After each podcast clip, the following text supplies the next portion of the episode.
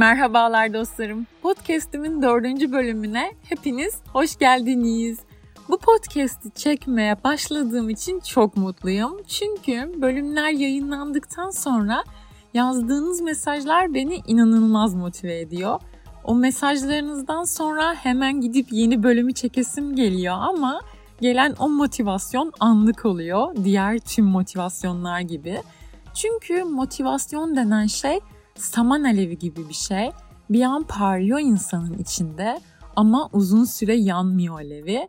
Kısa sürede sönüyor maalesef. O yüzden de dördüncü bölümün sorusunu kaybettiğimiz motivasyonu veya enerjiyi nasıl geri kazanırız ya da kazanabilir miyiz olarak seçtim. Bu bölümde 5 adımda kaybettiğimiz enerjiyi geri kazanma yollarını konuşacağız. Bu arada konuşacağız diyorum çünkü bana yazdığınız mesajlardan anladığım kadarıyla podcast'i dinlerken podcast boyunca sorduğum sorulara cevaplar veriyorsunuz. Bazılarınız gelip bana anlatıyor soruların cevaplarını. O da beni çok mutlu ediyor. Onun için de çok teşekkür ederim. E, bu motivasyon kelimesi özellikle de son 3-4 yıldır sosyal medyada çok fazla karşımıza çıkıyor. Sanırım ülkemizin motivasyon konuşmalarıyla tanışması da TEDx'lerin yaygınlaşmasıyla başladı. Ben hatırlıyorum bundan 4-5 yıl önce YouTube'tan gece uyumadan önce e, TED konuşmaları açıp Evet tamam ertesi sabah yeni hayatımın ilk günü olacak. Yarın bu kız hayatını değiştirecek göreceksiniz diye yeminler edip uyuyordum. Ama bir süre sonra fark ettim ki öyle sadece birkaç kişinin hayatını nasıl değiştirdiğini anlattığı hikayeler dinleyerek değişmiyor hayatım. Hatta bazen daha da kötü hissediyordum kendimi herkes çok başarılı yuh yani e, ben de böyle olabileceğim mi acaba diye.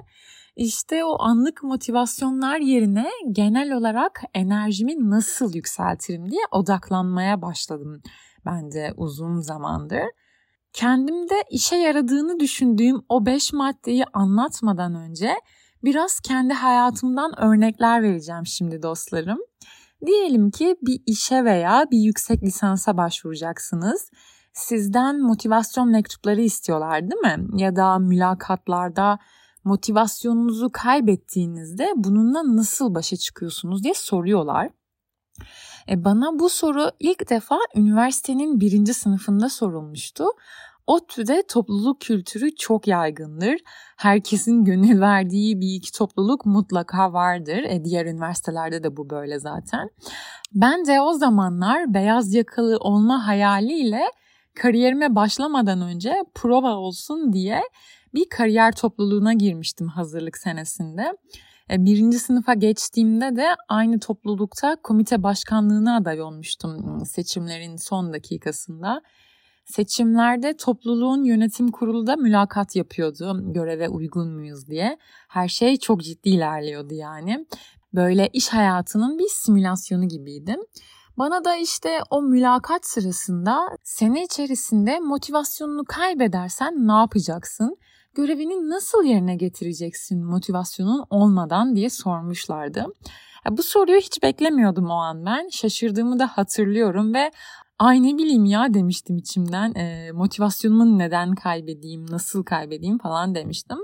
Çünkü o zamanlar motivasyon eksikliği sanki sadece zengin ve e, şımarık çocuklarda olacak e, havalı bir şeymiş gibi geliyordu. E, biz hep çok çalışmak zorundaydık. Öyle şımarıklıklara pek şansımız yoktu. Ve cevap olarak da içimdekini asla gizleyemeyerek ben motivasyonumu kaybetmem ki hep çok enerjiyim demiştim. Henüz 18-19 yaşındayım ve enerjik olmamak için bir sebebim yoktu gerçekten de. Ee, dediğim gibi motivasyonun kaybedilecek bir şey olduğunu sonradan öğrendim. 90'larda ve daha öncesinde doğanlar ne dediğimi anlar bence.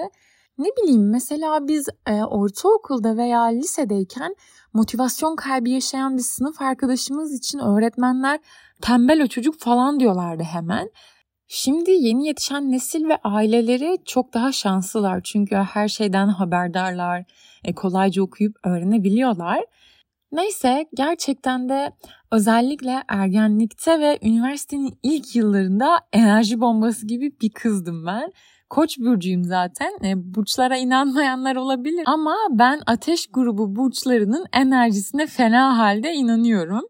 E, Koç burcu olan yerinde duramayan ben de hep bir ortama girdiğimde mutlaka en görünen yerde oturup sohbeti başlatan en az 3-4 farklı arkadaş grubuyla sürekli buluşup duran bir ortama girdiysem de orada herkes ortamdan keyif alıyor mu diye kontrol edip herkesin modunu yükseltmeye çalışan biriydim. Ama bu pandemiye kadar böyle sürdü. Çoğu insan gibi benim de pandemiden sonra hayatım ve kişiliğim değişti. Tabii pandemiyle birlikte yaşım da büyüdükçe olgunlaştım ve biraz daha sakinleştim. E, beni yıllar sonra gören arkadaşlarım eskisi kadar mutlu olup olmadığımı sordular bu dönemde. E, muhtemelen enerjim düştüğü için böyle düşündüler. Ama insan zaten etrafa sürekli pozitif enerji yayamıyor. İnsanız sonuçta. Hayatta doğrusal ilerlemiyor. Bazen insanın içinden hiçbir şey yapmak gelmiyor. Öyle oturup sadece duvarı izlemek istiyorsun bazı zamanlarda ben mesela dünya kadar yapmam gereken iş varken yatağa böyle cenin pozisyonunda kıvrılıp yatıyorum. Ama bunun normal olduğunu da biliyorum. Zaten e, bunun normal olduğunu bilmek gerekiyor. Kendimize acımasız davranmamamız lazım çünkü. Podcast'imin ikinci bölümünde kısaca hayatından bahsettiğim Charles Bukowski'nin de dediği gibi tembellik etmeyi bilmek gerek. İşin özü tempodur. Yaptığından tamamen uzaklaşıp doğru zamanda mola almazsan her şeyi kaybedersin. Doruk noktalarının arasında hiçbir şey yapmadığın boşluklar olmalı. Yatağa uzanıp tavanı seyret. Bu çok önemlidir. Ve bu çağdaş toplumda kaç kişi yapıyor bunu? Çok az. Bu yüzden de herkes kaçık, saldırgan, öfke ve nefret dolu diyor altına imza, CV, kaşa bırakacağım bu sözlerden sonra bu tembellik işini çok da abartmadan kaybettiğim motivasyonumu geri kazanmak istiyorsam neler yapıyorum anlatmaya başlıyorum. Baştan uyarayım bunlar benim kişisel deneyimlerim. Bunların hepsi size uymayabilir ama içlerinden biriyle mutlaka ortak bir noktada buluşup rahat bir nefes alacağız bence. Evet, madde 1. Hemen şu an kendine acımayı bırakıyorsun.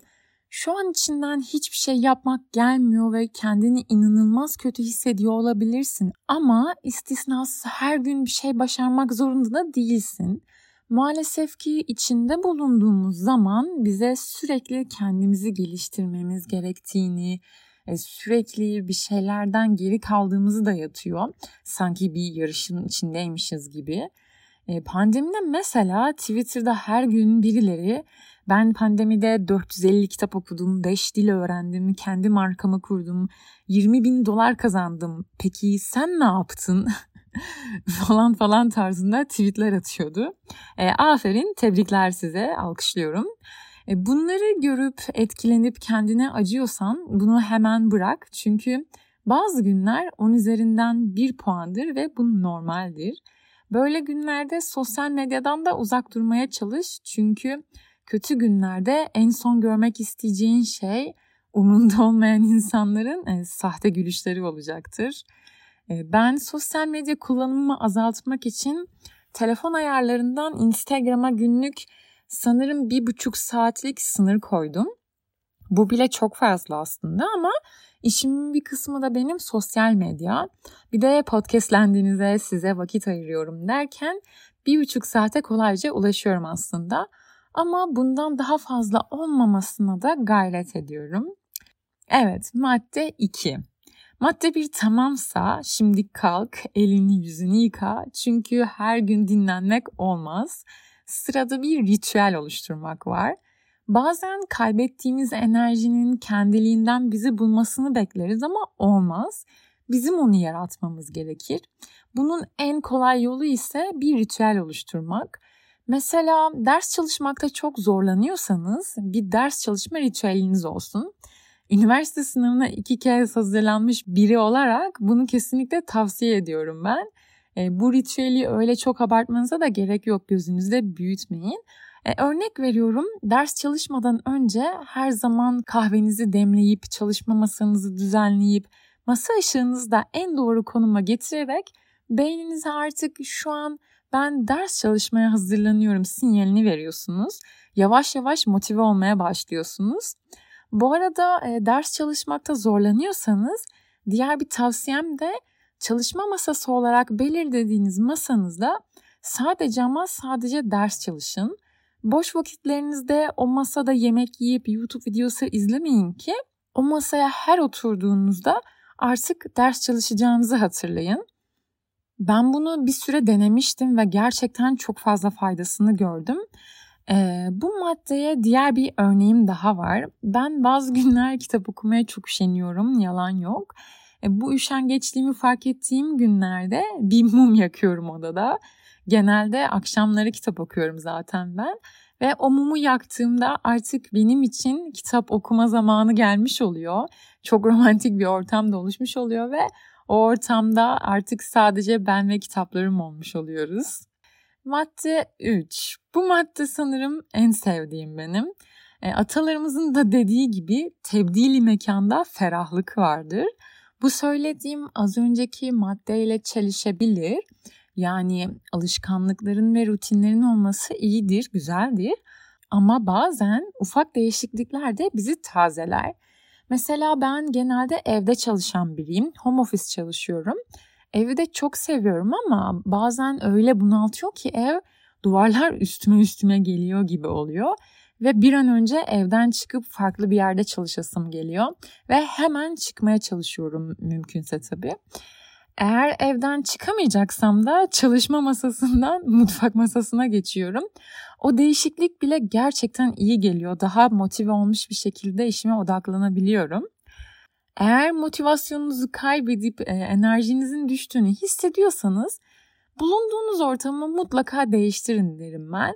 Unutmayın ağaç değilsiniz, yerinizi değiştirebilirsiniz. Çünkü belki enerjinizin düşüklüğü bulunduğunuz ortamla ilgilidir. Madde 4. E, bu madde sabah kahvesi severlere geliyor. Genel motivasyonumuz için sabahlar çok önemli. Schopenhauer diyor ya, kim ne derse desin, mutlu insanın en mutlu anı uykuya daldığı andır. Ama mutsuz insanın ise en mutsuz anı uykudan uyandığı andır diye çok doğru. Bazı sabahlar insan stres içinde uyanıyor. Böyle yüzünden düşen bin parça niye uyandım, dünya kadar iş var, kim yapacak bunları, nasıl yetiştireceğim diye full stres dolu bir sabah. Böyle başlayan bir günün güzel geçme ihtimali çok zor. Şimdi size burada ben e, sabah kaçta kalkmanız, kaçta uyanmanız gerektiğini söylemeyeceğim. Çünkü herkesin biyolojik saati ve yaşam şartları farklı. Ama uyanmak için en doğru saati bulduktan sonra sabah anksiyeteniz olup olmadığını kontrol edin. Biz uyandıktan ilk 35-40 dakika içinde vücudumuza stres hormonumuz olan kortizol salgılanmaya başlanıyor. Bu bizim güne hazırlanmamız için vücudumuzun vermiş olduğu doğal bir tepki. Bu yüzden de sabah uyanır uyanmaz kahveye koşmak çok da iyi bir fikir değil dostlarım. E, uyandıktan sonraki ilk bir saatte kortizol seviyemiz çok yüksek olacağı için o an içtiğimiz kahvedeki kafein etkisiz olacaktır. Kahvenizi içmek için bir saat bekleyin.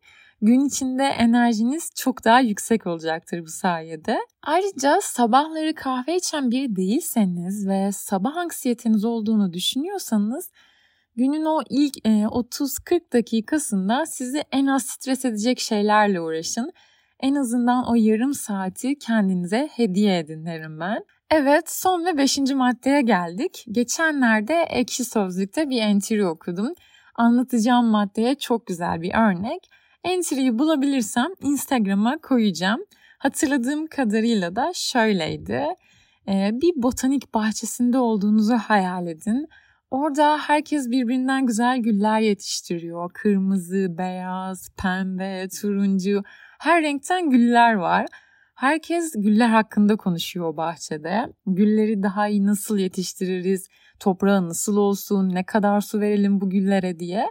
Ama sizin elinizde de bir kaktüs var ve kimse bu kaktüsle ilgilenmiyor. Sorular soruyorsunuz, cevap veren yok. Kaktüsünüzü nasıl büyüteceğinizi bilmiyorsunuz. Böyle bir ortamda işler zorlaşıyor. Yeterli motivasyonu bulamıyorsunuz kendinizde. Ee, ya siz de diğerleri gibi kaktüsü bırakıp gül yetiştireceksiniz ya da o botanik bahçesinden çıkıp kendi bahçenizi bulacaksınız.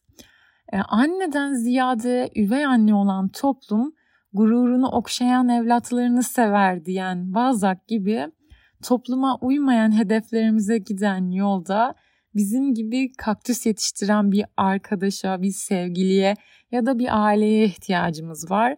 Ben şu anki hayatımda bunlara sahibim. Kaktüs yetiştirme yolculuğumda beni motive ettikleri için hepsine çok teşekkür ederim. Ee, etrafınızdaki insanlar sizinle aynı motivasyona sahipse biriniz düştüğünde diğeriniz onu kaldırabilir. Bunu hep söylüyorum, yine söylüyorum. Umarım hepinizin hayal ettiğinizden daha da güzel bahçeleri olur.